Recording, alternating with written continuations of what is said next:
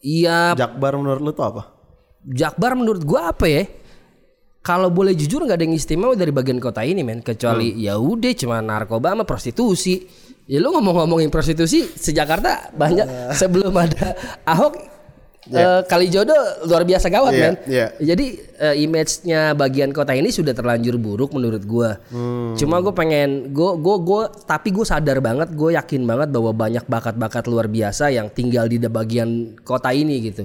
Gue pengen mereka mulai mengimbrais asal mereka dari mana karena gue lumayan gak dapet role model waktu tumbuh besar di kota ini gitu. Oke. Kalau gue nggak kepala batu, mungkin gue mentok men.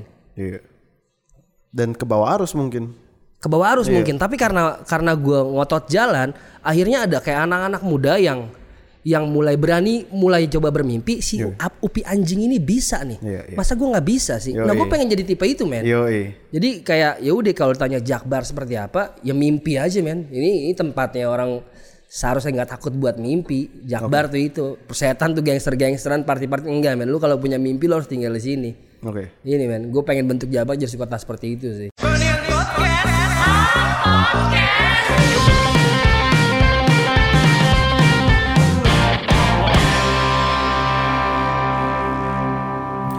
Halo teman-teman, selamat datang kembali di Freudian Podcast episode ke-116.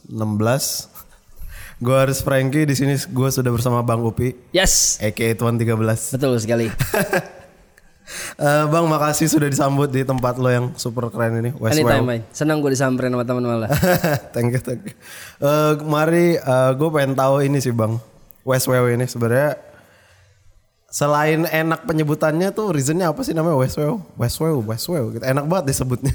Eh, lo mau versi jawaban yang media apa yang beneran nih? Nggak beneran lah, ini nongkrong-nongkrong aja. Jadi zaman dulu gua sama teman-teman sekolah tuh kita suka nongkrong di daerah sini ada namanya Roblong gitu. Roblong. Roblong. Ya anak muda bandel gitu kalau nongkrong suka jajan gitu. Yoi. Ada satu orang nih yang eh, kondisinya maaf agak sumbing gitu. Tiap kita datang, iya, tiap kita datang dia selalu nawarin, bro, mau jajan West nggak? Apaan tuh? West Well. Kita gua sama anak ketawa kan. Gua sama anak ketawa, tapi akhirnya tiap karena tiap ketemu dia dia nawarin kayak gitu, Iya. akhirnya jadi kayak quote gitu buat kita, bro.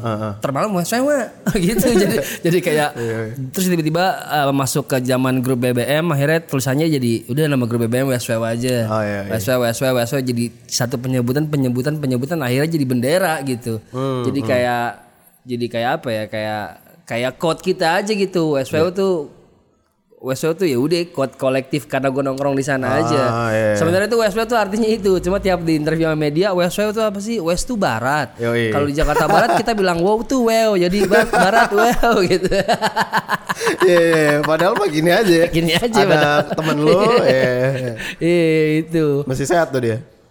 itu dia pas kita kayak udah mulai jalan udah mulai jalan sesuai musik kayak wah ini nama Ah. Nggak bisa sih nasi kuning doang kita harus samperin nih yang ngasih nama. Yoi. udah nggak ada orangnya men. Kayak ketangkap deh. Aduh. Aduh anjing. iya. Jadi WSW tuh ya udah dari tongkrongan aja. Dan basicnya gue sama sama teman-teman dari dari SD dari SMP gue sama manajer gue bahkan teman SD sampai sekarang masih jalan bareng. Jadi emang kita teman kecil aja nongkrong bareng di Jakbar gitu sih. Iya, gue pernah denger interview lu kat- katanya tuh orang-orang sekeliling lu ini orang-orang yang lu percaya dari lama gitu. Eh, sebenarnya bukan gue percaya sih, maksudnya kayak gue udah ngelewatin banyak hal sama mereka sampai akhirnya, iya gue gua bisa tutup mata, gue tahu mereka nggak akan nggak akan jadi apa yang gue takutin gitu sih. Yoi. Ya karena udah lu main sama orang segitu lamanya lu sampai lu lebih kenal dia dibanding lu sendiri gitu men. Anjing. Ya nggak sih? Adalah teman-teman yang kayak gitu. Nah ini maksudnya orang-orang kayak gitu sih. Masih sampai sekarang tuh Bang, orang-orang di sekeliling lu itu sebenarnya kalau ngomongin kompetensi kan pasti ada yang Betul, jauh lebih betul, jago kan betul, daripada yang lu percaya dari Betul, awal ini. betul banget, betul banget. Eh lebih jago banyak banget. Tapi maksudnya yang yang sekarang ada di circle Westwell tuh yang yang yang intinya, yang core-nya itu yang orang-orang lama yang gue bilang teman-teman gue yang lama, yang jagain pos-posnya. Tapi buat running produksi kita tetap hire orang-orang luar sih sebenarnya. Iya, iya. Gitu. Tapi kalau ngomongin kompetensi, balik lagi, gue lebih baik berjalan sama orang yang kalau gue jatuh, dia akan tetap ada di sebelah gue. Walaupun orang skillnya jago, pas kita ketemu satu masalah dia hilang buat apaan? Yoi. Jadi gue lebih lebih lebih memilih untuk berkembang bersama sih dibanding nyari yang udah jago gitu. Hmm. Itu sih men. eh gue pengen tahu pertimbangan-pertimbangan yang kayak di posisi lo ini tuh emang susah nyari orang buat dipercaya atau gimana sih bang? Eh Lo kan udah kayak bikin menara gading di Jakarta Barat, lo ngasih akses buat rapper-rapper baru di sini dengan tempat ini. Terus yang gua tangkap sih baru beberapa menit mulai nih, lo kayak sangat menghargai hmm, trust itu loh, Iya. yang orang kasih ke lo kayak apa di posisi lo ini susah ngedapetin orang yang di- bisa dipercaya gitu. Sebenarnya mau di nggak nggak perlu pakai pengandaian ada di posisi gue sih men. Di era sekarang trust itu susah men. Oke. Ya karena maksudnya udah nggak ada filternya, ada ada sosmed, kita bisa lihat orang, oh ini baik banget, tiba-tiba ketemu, lo ditusuk dari belakang. Iya. Mas gue di era sekarang itu sah-sah aja justru gua orang yang kalau ketemu orang gue 100%. Jadi kalau lo mau nipu gue, gue kasih jalannya nih. Anjing. Biar gue tahu, minimal gue udah tahu oh lu segitu doang. Iya, ya udah, habis itu kita udah enggak. Dibanding berjalan lama tiba-tiba gue ditusuk, mendingan tusuknya di depan. Iya. Iya, jadi ya udah gue maintenance, gue memperkecil circle gue banget, tapi gue jagain biar ini tetap sehat. Hmm. Dibanding gue ngegedein, tapi banyak duri di dalamnya buat apaan? Kalau gue sih gitu sih. Sip, anjing. Sampai tadi aja eh ini ya betapa apa ya lo sangat ngasih opportunity lah gue lihat di sini ya. Lo sampai tadi tukang parkir aja tuh. Iya. gue lagi ngangkat-ngangkat lampu gitu ya langsung tahu bang mau ada acara enggak maksudnya dia itu tahu banget kegiatan-kegiatan di sini tahu banget lo juga kayak gitu kan ya mungkin apa ya itu dari bagian dari proses lo kali ya Oh, enggak sih men, gue dari dulu sama teman-teman tuh bikin Westwell eh satu pasti aimnya adalah untuk bekerja sudah pasti. Eh, kedua insya Allah menghasilkan. Ya, ketiga ya bermanfaat, maksudnya bermanfaat. Gua mana anak tuh sistemnya kooperasi banget men. Jadi kita jalan punya banyak divisi ada merch, ada ada F&B sekarang, terus ada aktivasi event juga, ada musiknya, ada label, ada ada manajerialnya juga.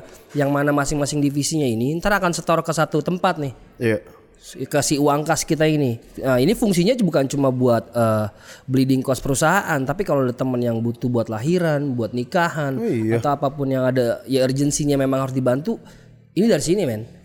Atau gue mentok, gue mau bikin usaha, coba lu kasih tahu gue bisnis plan lu gimana? Nih kita modalin, ayo jalan bareng. oh iya Ini maksud gue emang anak-anak M-nya dari awal emang bikin website buat kayak gitu, buat jadi kayak kooperasi gitu. iya iya, iya. Jadi nggak nggak gede di tengah sendirian tapi pengen pengen ini jadi apa ya? Jadi jadi advantage kalau lo mau jalan mau keringetan bareng gue bisa bantu lo.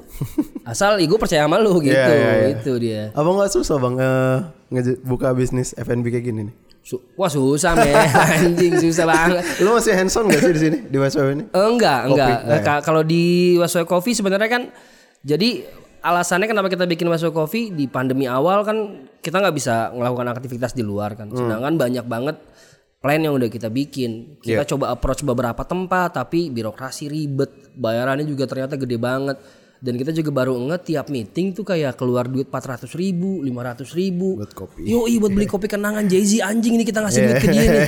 ya udah akhirnya karena teman kita udah ada yang jalan kopi, eh, gue approach, boleh nggak gue franchise tapi gue nggak pakai nama dia. Tapi gue beli sistem dari lo gitu. Ya udah akhirnya boleh. Sistemnya dia yang running. Tapi kalau WSY Coffee sendiri sebenarnya yang running ini istri-istri anak-anak nih sebenarnya. Oh iya. Yoi, jadi biar kita kalau pulang malam gak dicemberutin, istri kita kasih kerjaan di sini. Iya iya iya iya Gitu. iya iya iya. iya. Eh, Oke. Anyway, congrats bang kemarin lu masuk nominasi AMI. Ais, itu menurut gua anjing eh, berapa ya empat ya nominasinya ya empat kategori ya. enggak gue tahun ini cuma tahun ini satu gue tahun ini cuma satu Hmm. satu doang tahun ini satu satu Maksud gua eh, kompetitor lu di kategori itu. ada berapa sih ada Mayaka Bab Lace Lace, lu udah berempat bukan ada lima ya lima ya. Iya, ya, Yang gua liat sih empat sih. Iya, iya, Iya, iya, iya, iya. Lu sempat dengerin yang menang nggak bang? Dengerin lah kalau bab gue dengerin banget. Hmm. Dengerin banget bab eh, semuanya gue dengerin sih maksudnya kan kalau kalau di hip hop ya lu nggak bisa nggak bisa apa ya lu nggak bisa nggak nggak nyari referensi gitu lu nggak Hmm. bisa nggak mantau eh, pelakunya siapa aja lu harus tahu biar kalau nggak ntar lu stuck di situ kan Iya. ya gue harus tahu les lagi bikin apaan gitu gue harus tahu Nayaka bikin apa bab bikin apa biar gue juga jadi ikut upgrade Yoi. jadi mau nggak mau pasti yang namanya nggak ada di situ pun gue dengerin gitu men. Hmm. Itu sih. Dan mungkin kalau lu misalnya mau keliling cari ke video klip video klip di YouTube mungkin komen gue ada terus tuh men. Oh iya. Ya, karena gue satu orang yang lumayan mantau bukan mantau sih. Karena gue emang kerjaan gue musik doang kali ya. Jadi emang gue concern di di ya udah gue dengerin semua karya teman-teman jadinya gitu sih. Ya lu pengen tahu lah siapa pemainnya lagi Yap, pada bikin yap, apa yap, kayak gitu-gitu ya. Yap, yap. Biar gue bisa terus relevan sih gitu Yo, sih. yo, yo, yo. Eh, tadi sebelum mulai kita sempat nyinggung soal pemenangnya, Bab. Yoi. yang menurut lu itu alien ya menurut lu? Alien men, dia keren men. Iya iya iya. Itu sempat dengerin Momo Mysterious Skin lo, Bang. Iya lah men. Sampai habis. Gue terbahkan kayak gue kan baru dengerin lagunya tuh kayak setahun belakangan nih, setahun Iya. belakangan. Tapi gue baru punya kesempatan untuk nonton live-nya pas kemarin di Fluff. Oke, iya iya. Gue baru dia tuh. pertama kali ngeliat dia live dan kayak dan gue nggak tepuk tangan men. Kenapa tuh? Kayak kesihir tuh gak lu? Cing nih orang. Pernah gak lu nonton orang kayak Iya. iya. ah goblok nih orang nih. Ya udah di titik itu gue kayak tahu, udah dia dia Anjing, dia iya, emang iya. alien dia. Iya, Ya, maksudnya energi di lagu sama energi pas live itu Ke deliver ya? ke deliver nggak banyak rapper yang bisa ngelakuin itu Iya. banyak yang lagunya hype banget tapi begitu dibawain ya biasa aja Mhm. Bab berhasil mentranslate energi dari lagunya ke panggung itu satu hal yang mesti gue appreciate itu susah banget men Iya iya. iya. susah banget Begitu sebenarnya lu kalau lagi bawain move juga ke deliver sih bang. iya mudah-mudahan Iya, iya, mudah-mudahan iya. mudah-mudahan Eh, terus kemarin tuh dia menang tuh. Yap. Dan lu kalah. terus em, banyak gosip lah setelah Iya. itu. Banyak gosip yang bilang kalau albumnya ini sebenarnya bukan album rap lah.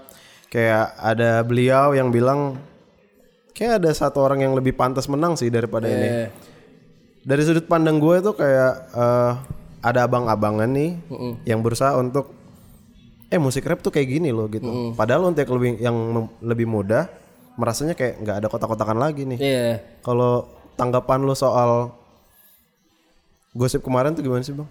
kalau menurut gue ini ya maksudnya kayak omong kosong ya dan orang-orang meromantisasi itu gitu emang begitu ada opini yang orang nggak suka digoreng aja sama semua orang Ah, Ya kalau menurut gua memang ya mungkin eh, ya maksudnya itu Wizo yang komen. yoi. Ya mungkin Wizo udah lama nggak turun ke scene gitu, nggak ngeliat apa yang terjadi.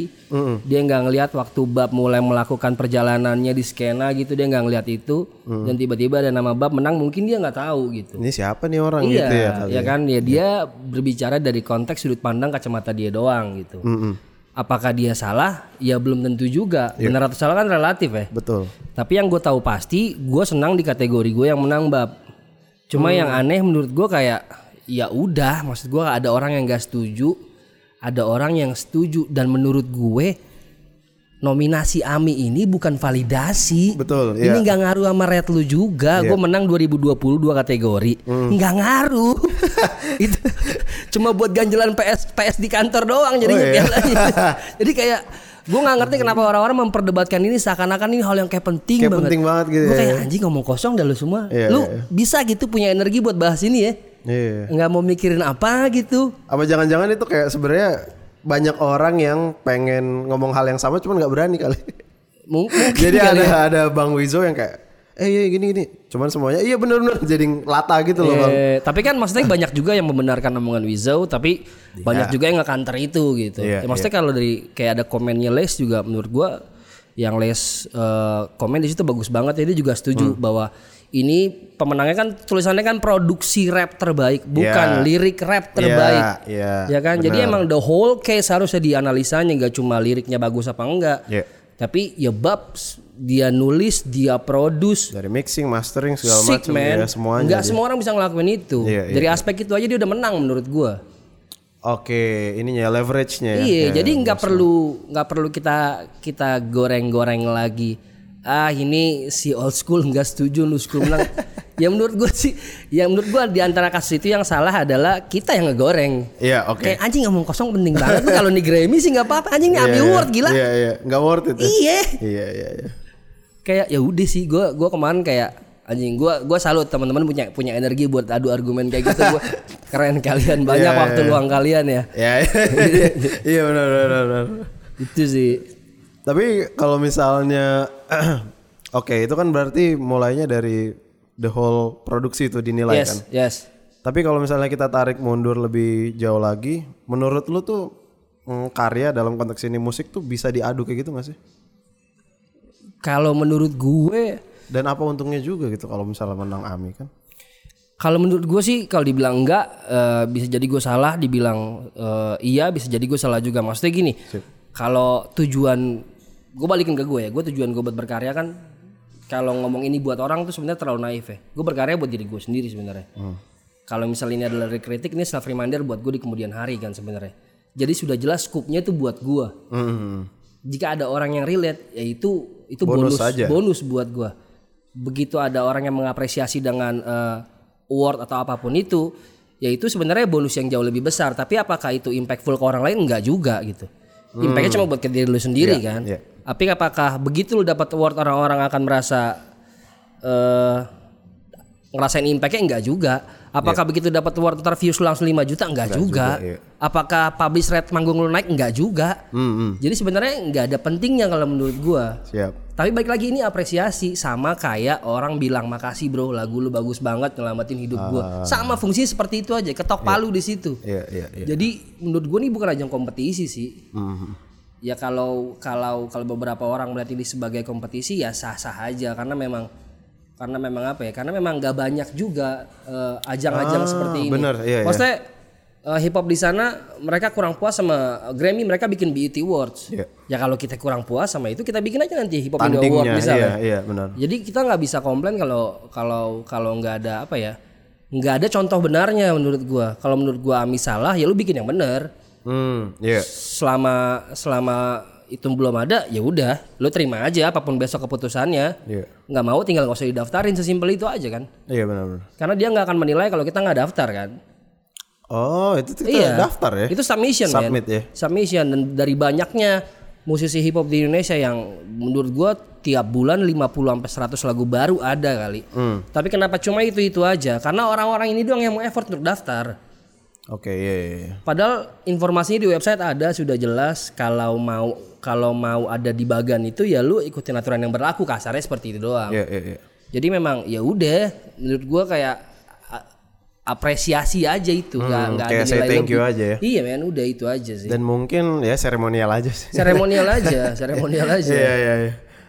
Iya, kalau soalnya kalau misalnya ngomongin karya gitu, masa ya diukur pakai apa ya? Pakai ya diukur, diukur pakai angka lah, diukur pakai indikator-indikator teknis yang gua nggak ngerti gitu. Udah gitu siapa juga yang nilai gua nggak tahu gitu, relevansi mereka apa gua juga nggak tahu gitu. Udah kasih gitu banyak genre gitu ya. Iya. Terus nggak tahu bang, lu setuju nggak sih kalau sekarang genre itu udah kayak nyampur aja gitu, nggak ada Iya, pemotak-kotakan gitu? Betul betul man kita di hidup di, era digital kayak sekarang lu udah nggak bisa ngomongin hip hop itu gombrong bahkan gitu Iya. ya.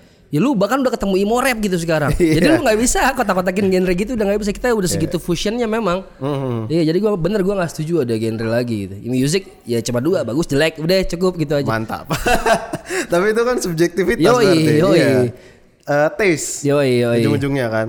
Yoi. Waktu itu Tyler pernah bilang waktu dia menang Grammy atau apa gitu ya. Dia menang kategori rap terbaik. Terus Tyler bilang, "Lu tuh sebenarnya di album Igor tuh gua nggak nyanyi sama sekali. Kenapa gua dimenangin apa? Gua dimenangin rap?" Eh, kata dia, "Ini mah kayak lu kotak-kotakan aja kalau black people ya udah pasti rap." Eh, Padahal gue nggak nyanyi sih sama sekali, nggak nge-rap sama sekali kata dia gitu. Terus kayak semuanya klik, oh iya.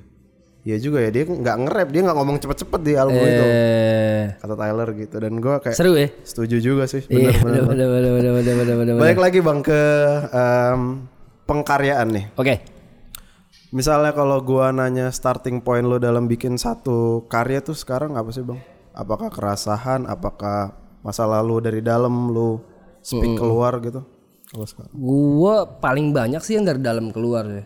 Hmm. Karena kalau misalnya ngomongin keresahan kan keresahan tuh berarti kaitannya sama apa yang lagi terjadi sekarang ya. Ya lagi gaung di luar. Iya, gua nggak suka bikin sesuatu yang lagi viral gitu. Gua Oh nggak gitu suka, iya, gua nggak suka ngomongin yang orang-orang lagi ngomongin gitu. Kayak kayak menurut gua kayak apa ya? Kayak bebek berbondong aja tuh nggak sih lu? kayak ya udah semua karena semua orang lagi ngomongin hal itu terus tiba-tiba gua come up dengan tema itu kayak kayak gua ngegonceng aja gitu. Riding the wave aja. Kalau emang gue mau bahas tema itu, gue akan bikin itu segeneral mungkin biar waktu tema biar waktu viral hilang 5 tahun lagi, 10 tahun lagi lu bisa masih relevan. Gue pengennya bikinnya kayak gitu gitu. Itu berarti ya rumus orang-orang yang bisa ahead of the time ya. ya maksudnya gue gue lebih suka maksudnya kayak gue dengerin J Cole gue dengerin Nas gue dengerin Tupac Yoi. mereka tipe penulis yang bahkan Tupac udah mati pun tulisannya masih bisa relate sama gue sekarang gitu Iya, yang udah berapa puluh tahun lalu. Yoi, gue masih bisa gue aplikasiin dengan cara gue ngeliat dunia dengan kondisi politik ekonomi yang berbeda gitu. Iya. Gue pengen jadi orang kayak gitu gitu. Jadi kalau gue ngomongin sesuatu yang lagi kayak viral gue kayak kayak buang-buang waktu deh. Jadi. Tapi emang kalau ego musisi ego seniman. Heeh. Kalau misalnya konfliknya dari dalam tuh apa biasa contohnya? Banyak men. Kalau kalau lu kan sekarang katakanlah eh, waktu Kanye dulu. Kanye dulu waktu merintis hidupnya masih keras, Ya. gangster tembak-tembakan gitu. Sekarang pas dia udah lebih tentram kayak ya nggak seseru dulu gitu loh, Bang. Yang gua takutkan tuh eh, atau yang entah lu antisipasi atau enggak Ya. gitu ya. Makin tentram hidupnya, karyanya makin slow aja gitu, santai aja. Eh, seben- sebenarnya kalau ngomongin tadi contohnya Kanye, sebenarnya waktu dia struggle zaman dulu, dia banyak main slow kan banyak nongkrong kanan kiri. Iya. Sekarang bukannya dia nggak kanan kiri tapi justru lebih banyak menghabiskan waktu di studio sebenarnya sebenarnya. Bukannya dia ada di titik nyaman. Nah, kalau gua gua gua rasa gua kalau selama gua tinggal di Jakarta gua nggak akan kehabisan pola pikir kayak gitu deh. Gue berhenti di lampu merah depan aja. lampu merah gue di klakson. Iya, iya, Jalan iya. jing. Iya, iya, Itu bisa jadi contoh buat gue. Lu buta apa ya? Iya, iya. Ini lampunya merah. Iya, iya, iya. Ya maksud gue, gue hidup di kota yang di mana eh, kesalahan dilakukan ke berulang-ulang kali sampai orang-orang percaya ini benar gitu. Oh anjing. Banyak banget yang bisa gue ambil contoh gitu jadi tema lagu banyak banget men kayak Iya, iya. Banyak-banyak keindahan di antara keribetan Jakarta yang bisa gue jadiin tema tuh banyak banget. Jadi gue rasa Iya. kayaknya sampai titik mana pun gue nggak akan kehabisan tema untuk ngobrolin masalah manusia, sosial dan hidup gue deh. Kayaknya gue nggak bakal kehabisan itu deh. Selama di Jakarta. Selama gue di Jakarta. Iya iya iya. Keras Selama gue di. Jakarta, iya maksudnya gue ketemu binatang-binatang lain jadinya kan. Iya. Oh kamu baru keluar kandang pada galak ya gitu. Berarti lu nggak ada kesulitan mengejar atau ya mengejar lah ya, mengejar yang lagi gaung gitu nggak ya? Soalnya lu nggak peduli juga gitu. Iya men. Heeh. Itu tadi gue juga ada eh, semacam kesadaran baru gitu loh bang. Jadi kalau gue orang awam nih, gue nggak terlalu ngikutin hip hop sebenarnya. Tapi gue lihat ada dua daerah yang paling kelihatan kalau kita ngomongin hip hop tuh ada Jakarta Selatan dengan party lifestyle dan Barat yang kayak struggling parah gitu loh. Mm-mm. Lu ngerasa ada perbedaan itu gak sih bang? Dan kira-kira faktor yang mempengaruhi ini apa ya sebenarnya? Faktor yang mempengaruhi sebenarnya kalau Jaksel sih bukan cuma party men karena industrinya ada di situ. Semua penyelenggara event bikinnya di daerah sana. Iya. Semua penyelenggara party adanya di sana. Lu nggak bisa ketemu klub bagus di Jakarta Barat. Jadi kalau kita ngomongin party bohong ada cuma klub dangdut di sini men. Iya. Jadi kita nggak bisa, kita nggak relevan ngomongin Iya, itu. iya, iya. Jadi kayak kenapa image-nya Jaksel terbentuk seperti itu ya menurut gua karena memang banyak banyak banyak dia adalah lokasi di mana industri terjadi. Hmm. Kalau Jakbar menurut gue kayak 10 tahun belakang, lima tahun belakang lu nggak bisa dengar hip hop di Jakarta Barat menurut gue. Iya, iya. Nggak lu nggak dengar siapa pelakunya gitu. Karena s- nggak usah nggak usah rap deh. Kayak anak graffiti atau apa pun yang menurut gue punya potensi di sini karena nggak dapat apresiasi akhirnya mereka pindah ke sana nongkrongnya di Jaksel karena tempat industrinya ada di sana gitu. Iya iya iya. Jadi menurut gua kalau perbedaan itu sih kalau ngomongin struggle harusnya itu lebih ke Jakarta Utara Oh, lebih gitu.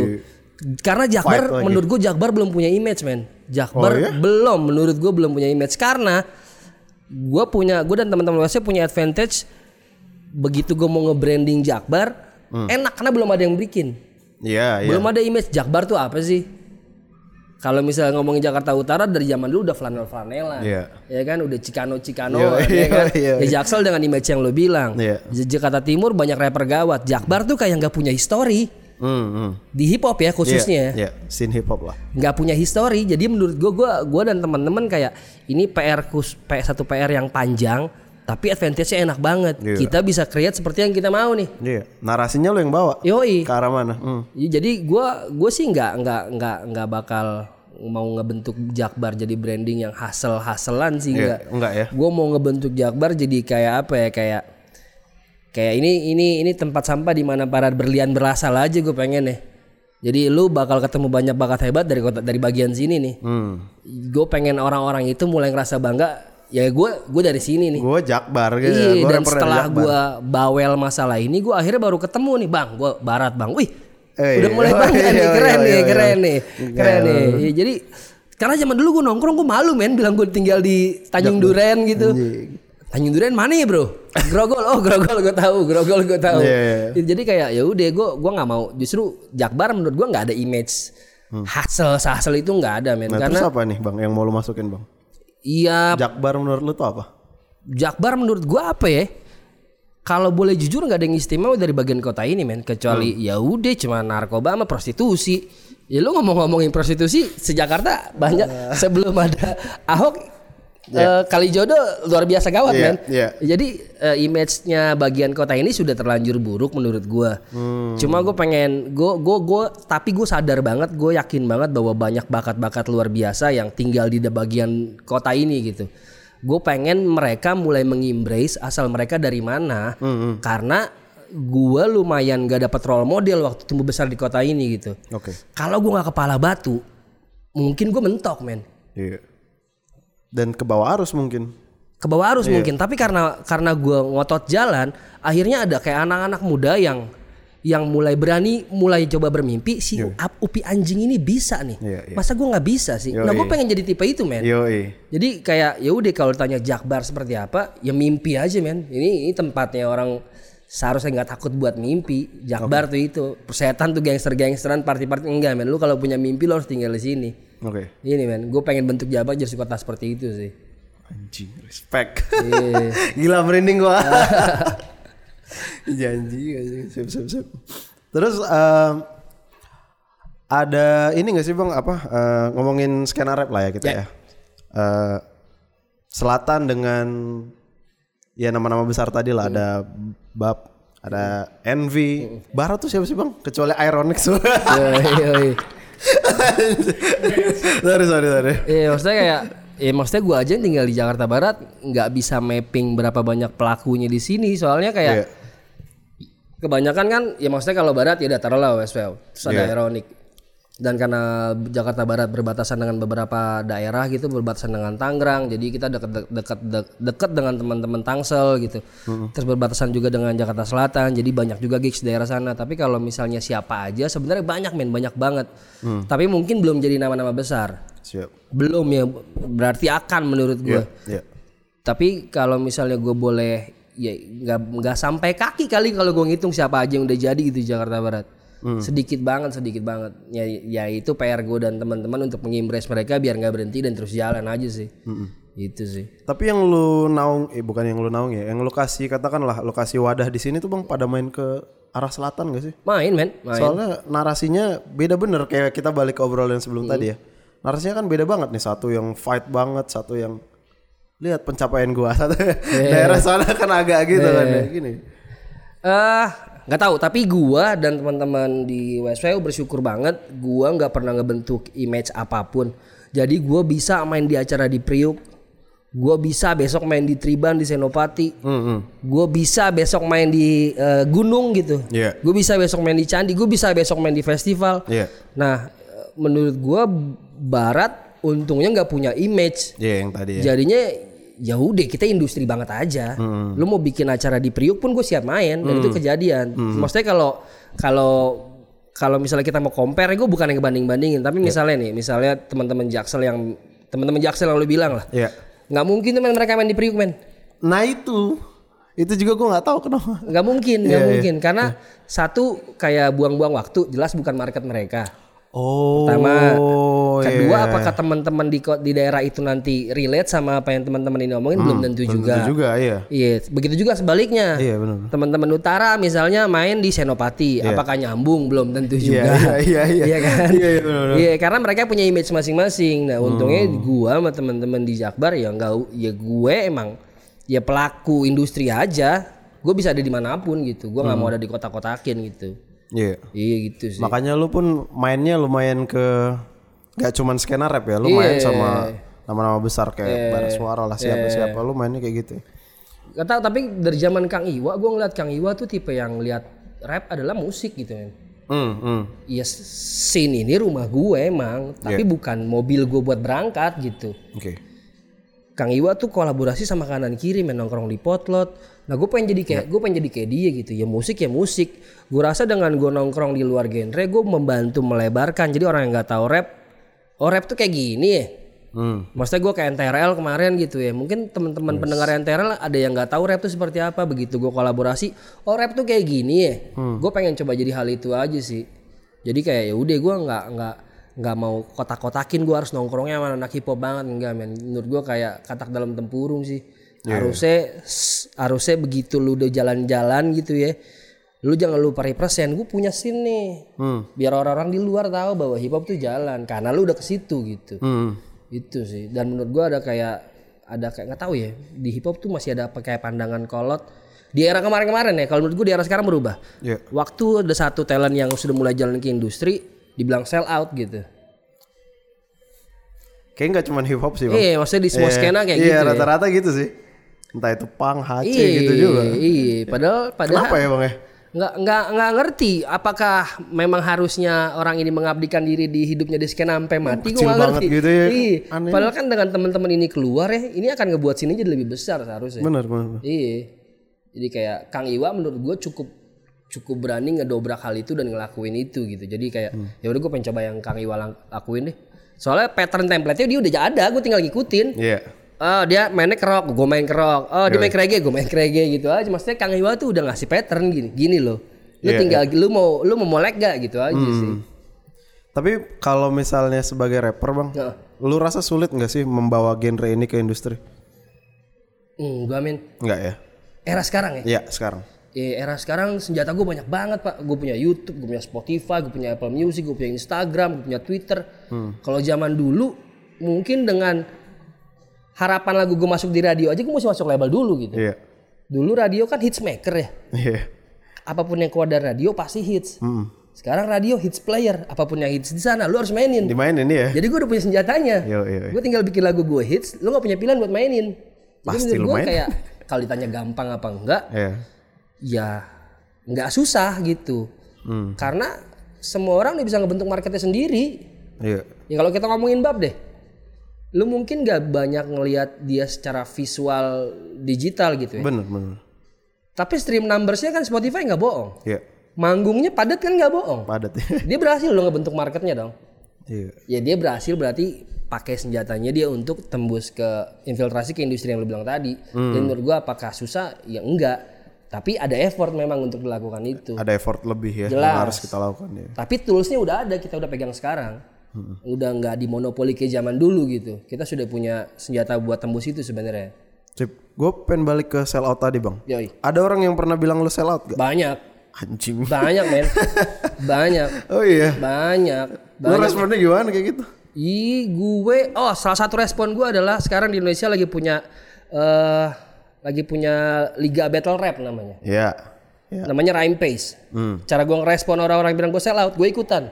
Oke. Ya gak suka, ketemu gue aja di sini nih. Iya iya iya. Ya maksudnya kan ini kayak ini ini bat- battle rap nih ya. Ini yang kayak kasar itu skena banget nih. Yoi. Jadi kalau lu bilang gue udah lupa skena enggak nyet, gue udah di sini nih. Jadi kayak yang industri sampai skena gue hajar semua aja. Lu gue nggak mau ngasih lu celah buat mikir gue gimana, udah gue ada aja pokoknya. Iya iya. Itu sih.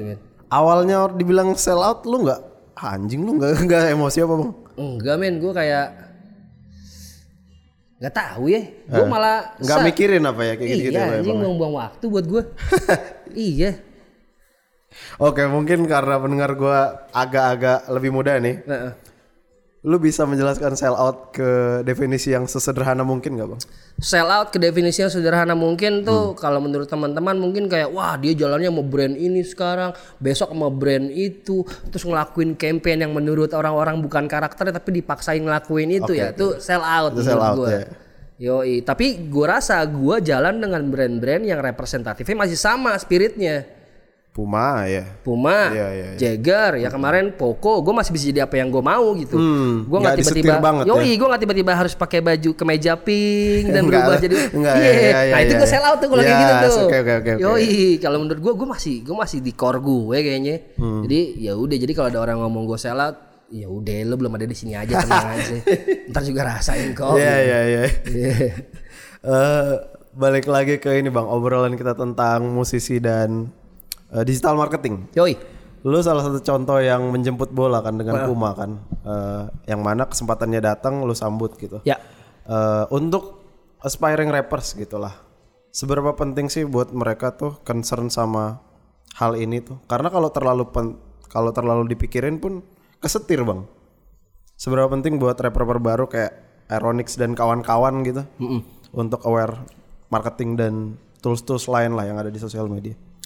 Eh sebenarnya hal paling simpel adalah lu tinggal ngaca terus lu ngomong lu nggak punya siapa-siapa buat bantuin lu jing. Anjir. Lu cuma punya lu.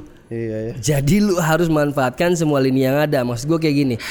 Dan menurut gue di era sekarang juga karena karena eh, digital banget gitu ya, brand-brand udah mulai ngelakuin campaign digital. Akhirnya teman-teman pelaku s- hip pelaku hip hop gitu misalnya rapper gitu ya, juga udah mulai nge bahwa ada ada ada ada money di situ. Ada peluang juga ya. Ada peluang di situ. Tapi akhirnya banyak yang salah kaprah. Maksudnya gini, maksudnya kayak ada brand nyamperin gua. Kalau gue suka brandnya, kalau gue suka campaignnya, walaupun rate gue nggak nyampe, gue gas men. Oh gitu ya. Karena buat gue rezeki bukan cuma duit. Hmm. Gue jalan sama Puma 2 tahun bikin campaignnya nggak dibayar men. Karena gue suka sama brandnya. Anjir. Gue nggak dibayar, gue nggak dikontrak, gue cuma dikasih di, disiding sepatu tiap dua bulan sekali. Gue suka. Dan gue punya aim bahwa suatu hari lu akan kontrak gue. Hmm. Gue tinggal perlu loyal aja sama lo. Hmm. Ya udah, jadi gue pernah jalanin satu campaign, eh eh, campaignnya Big Sean sepatunya mau masuk, dia butuh rapper untuk bikin video kayak eh, freestyle freestyle nggak pakai musik. Ya. Gue ngajuin diri, budgetnya jauh di di, di bawah yang gue ajuin, tapi gue suka banget campaignnya, gue udah kebayang visualnya seperti apa, gue jalanin gue bilang iya. Hmm. Gue jalanin, videonya keluar, abis itu gue mulai kenalan, gue mulai kenalan, akhirnya beberapa event gue dipanggil, terus gue mulai dikirimin sepatu, gue mulai rajin posting. Dua tahun berikutnya, Mas Upi bisa ke kantor nggak? Kita mau ngomongin kontrak. Siap. Kalau gue mikir duit, Iya. Nggak ada nih. Iya nggak ada nih. Iya. tutup men. Atau bahkan kalau misalnya gue pernah nerima, gue pernah nerima panggungan gitu yang kayak ini impactnya bagus banget, tapi publish rate-nya jauh banget gak nyampe. Hmm. Kalau gue mau keras gitu ya, hilang nih rezeki. Iya benar. Karena lu nggak tahu misalnya gue terima panggungan itu ada berapa banyak yang nonton, lu nggak tahu pintu rezeki lu ada di situ apa bukan. Iya. Ya kan kalau lu nggak ketok lu nggak tahu. Iya. Nah gue tipe orang yang lakuin itu men. Maksud gue kita mesti jemput semua kesempatan, tapi lu nggak boleh keras sama regulasi. Lu mesti berpikir panjang bahwa duitnya bukan di depan muka doang. Hmm. Iya iya benar. benar. Bagaimana caranya lu bisa sustain 2 tahun, 3 tahun, 4 tahun, 5 tahun ke depan. Jadi kalau lu cuma mikirin, ya pokoknya budget gue 10 juta. Kalau lu keras dengan hal itu, terus tiba-tiba nggak dapat semuanya, ujung-ujungnya lu berhenti gitu. Iya. Nutup malah ya. Nutup Iya. pintu rezeki lo yang lain-lain ya. Jadi mendingan ya agak pelan sebentar, begitu value lu udah ketemu, silahkan lu gas. Kalau gue kayak gitu. Iya. Iya. Apa sih bang yang brand-brand ini lihat di lu? Pernah lu bedah sendiri nggak tuh? Kenapa Enggak, ya mereka selalu mereka gue ini mau gue sama selalu gua? gue selalu nanya sih Iya, maksudnya iya. gue gue kalau ke brand tuh approach-nya gue pengennya mereka bukan cuma jadi kayak klien gitu gue pengen tahu juga kenapa lu pilih gue Iya. tapi kalau dari beberapa brand yang gue ajak kerja sama sih ya mereka suka karena gue punya gue punya karakter aja menurut mereka gue punya value yang menurut mereka ya udah warna gue udah jelas gitu Hmm, hmm. gue ada di gue ada di gue ada di part itu gitu Iya. concern gue jelas dan itu selalu gue omongin. Da, tapi tapi nggak nggak sedikit juga gue kehilangan kerjaan sama concern-concern yang gue omongin. Iya dong. Terlalu tajam juga. Sering sekali. iya bahaya. Sering sekali. Sering sekali. Iya, Ya, tapi akhirnya maksud gue ya i- idealisme tadi itu akhirnya mungkin beberapa orang bisa mengapresiasi itu, beberapa orang justru takut gitu. Iya, iya. Ya menurut gue kalau misalnya gara-gara apa yang gue omongin gue nggak dapat kerjaan, ya mindset gue sesimpel bukan rezeki gue, gitu aja udah. Nah, tapi brand-brand yang jalan sama gue sekarang, ya mereka mau jalan karena gue punya value itu sih, itu sih. Ya karena gue ya gue gitu. Karakter lo itu tadi yang udah kebentuk ya. Mungkin ya, Karena perjalanan panjang tadi. mungkin ya, yang orang-orang bilang branding itu ya. Yang orang-orang bilang sell out juga. Yoi, yoi, yoi, gitu. yoi, yoi. siap, siap. Eh gue mau kasih pertanyaan sederhana dulu lah. Yoi. Trivia-triviaan. Boleh. Em, album rap apa yang bikin lo cinta sama genre ini bang? Album rap Iya, lokal boleh. Satu, Boleh, satu boleh. gua udah denger pesta rap lama, udah denger hip hop Indo lama banget. Tapi yang bikin gua kayak buka covernya, terus ke warnet cari liriknya, itu Oka Antara men. Oh kan? Oka Antara men. Loh.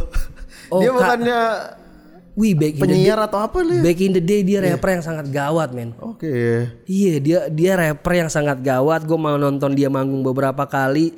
Dia pernah lempar headbandnya. Gue masih simpen sampai sekarang. Gue lupa nama albumnya apa tapi Iya. tapi itu albumnya Oka Antara. Iya, iya, iya. Itu Dia album, ya justru ya. albumnya Oka Antara yang kayak gue digin banget pertama kali di lokal tuh beneran gue cari tahu nih orang siapa sih. Gue cari liriknya di warnet gitu. Yoi. Itu Oka Antara men. Nggak ingat tapi ya ngomongin apa Asik. dia di album itu ya. Oh banyak banget dia ngomongin nyokap, ngomongin cinta, ngomongin hustle ya standar-standar hip hop lah. Tapi Hmm. gua suka bagaimana dia ngebentuk branding dirinya yang sekeras itu gitu. Terus tiba-tiba sekarang jadi pemain film gitu kayak Iya. Iya tetap aja gue ngefans ini back in the day Sampai orang, sekarang ya. ini orang superhero gue gitu. Yo yo. yo. Oke. oke. Ada nggak sih orang yang hmm, datang ke lo gara-gara album lo yang ini bang? Gua kepikiran buka jalan karir gua di rap tuh. Ada nggak pernah lo terima apresiasi yang kayak gitu? eh kalau yang kayak gitu sih ada men ada ada. Tapi gua kayak punya beban moral sebenarnya.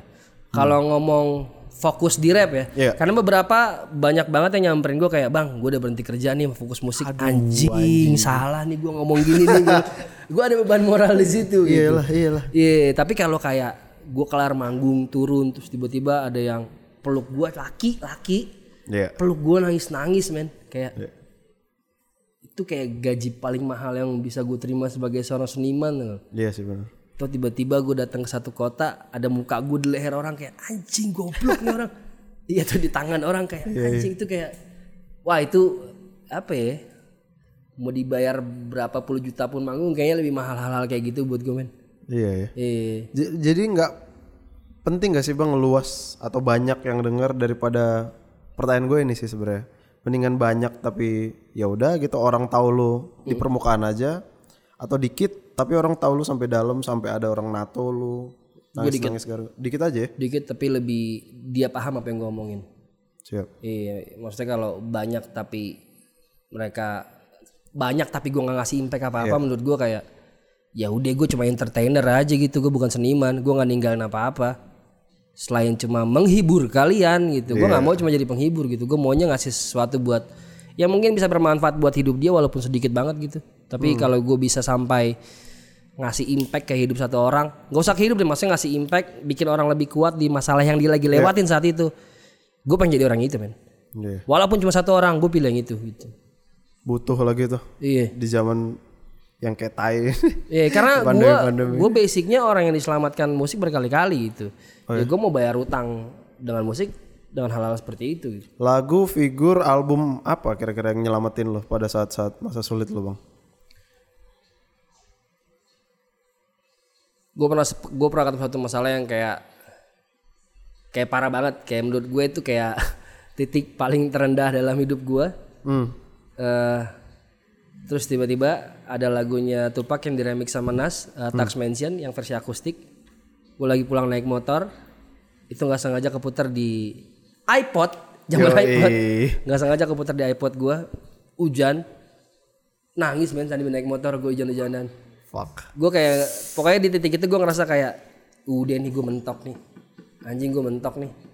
Tapi sesimpel lagu itu ke play nggak sengaja kayak gue dapet aim baru, gue dapet kacamata baru, gue dapet sudut pandang baru bagaimana cara ngeliat masalah gue ternyata bukan cuma masalah tapi ada mus tapi ada berkahnya di situ gitu. Iya. Jadi tax mention tuh impactnya luar biasa buat gue men. touch Tax mention tax mention surganya buat para berandalan itu loh. Yo yo gila gila gila eh. Ya maksudnya impact musik sekeren itu men. iya Gila ya. banyak sih maksudnya apalagi gua gua tuh eh, datang dari daerah Iya. dari Medan gitu kan kuliah kayak tai lah di angkot gitu sebel banget kan berangkat kuliah naik angkot naik angkot nyambung lagi beneran cuman modal headset tuh gue dengerin Paul musik bara suara cukup gitu bisa ayo deh bisa deh kayaknya deh Iya kan? gitu iya Kayak kayak kayak, bu- kayak, kayak drugs tau gak lo? apalagi lagu lo yang family rumah rumah Iya, tuh. iya. Wah, anjing langsung Ya, thank you Edi. nyokap nyokap anjing lah. Ini kita udah ngobrol hampir sejam bang. Lagi dong. Eh, misalnya ada nih di akhir podcast ini anak muda clueless nggak tahu mau ngapain di karirnya udah dengerin kita mungkin kepikiran anjing lah bang Upi lah gue terinspirasi gue pengen ngejar karir yang udah dia tempuh tuh kira-kira pesan apa yang pengen lo sampein ke teman-teman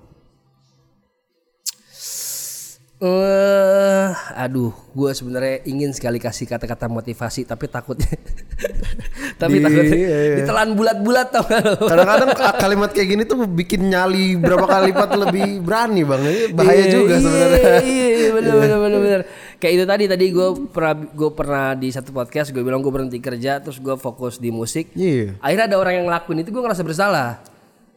Gue gua nggak mau, gue nggak mau teman-teman, gue nggak mau teman-teman ngelakuin itu. Gue maunya teman-teman sadar bahwa berani sama bodoh itu beda tipis. tipis ya Eh, idealis sama egois sama bedanya tipis. ya Jadi kalau kalian mau jalan make sure bahwa diri kalian senang dan kalian gak merugikan orang lain, semuanya aman, ya gas aja. Selama gak ada yang dirugikan dan lu bisa bikin diri lu senang, menurut gue itu hal yang worth it buat dijalanin. Kalau ngomongin capek, karena itu bikin lu senang, maupun jam tidur lu berkurang, lu pasti senang lakuin itu. Tapi kalau lu udah nggak senang, ya berarti itu bukan jalan lu. Kalau gue sih itu aja sih. anjing Iya. Bang, makasih banyak. gua yang tatap-tatap langsung nyampe bener energinya, Bro. Aduh. Oh good man. Iya, Bang. Em, gua rasa bahkan gue pribadi pun dapat banyak nyali abis Amin. ini. banyak yang harus dibenahi. Eh, gua harap lu sehat terus lah, Bang. Amin. Iya. Sama-sama buat lu dan semua tim. Gua pengen denger banyak karya lu. Lu bakal ngeluarin apa ke depannya, Bang? Single, album apa-apa gitu. Eh di dalam waktu dekat, jadi gue sebelum jalan sebagai tuan 13 tuh gue ngeband sebenarnya. Iya, yang super Iya, iya. RIP. Eh, dan gue jadi, jadi gue sekarang lagi punya dua grup. Satu adalah grup rap namanya Puno Kawan, akan rilis single dalam waktu dekat. Hmm. Siap. Yang satu lagi grup band gue. Sebelum gue jalan tuan 13, gue ngeband sama orang-orang ini. Dan mau dihidupin lagi nih. Sedang berjalan. Sebelum akhir tahun akan rilis single, tahun depan album. Puno Kawan pun begitu. Jadi tahun ini kalau teman-teman nggak ngelihat banyak rilisan dari gue, ya karena gue lagi nabung buat tahun depan. Dua project ini akan jalan itu sih. Siap. Jadi tunggu aja buat mendengar broadcast. Yes, Bang Upi makasih banyak. sama-sama. Teman-teman itulah Bang Upi Tuan 13.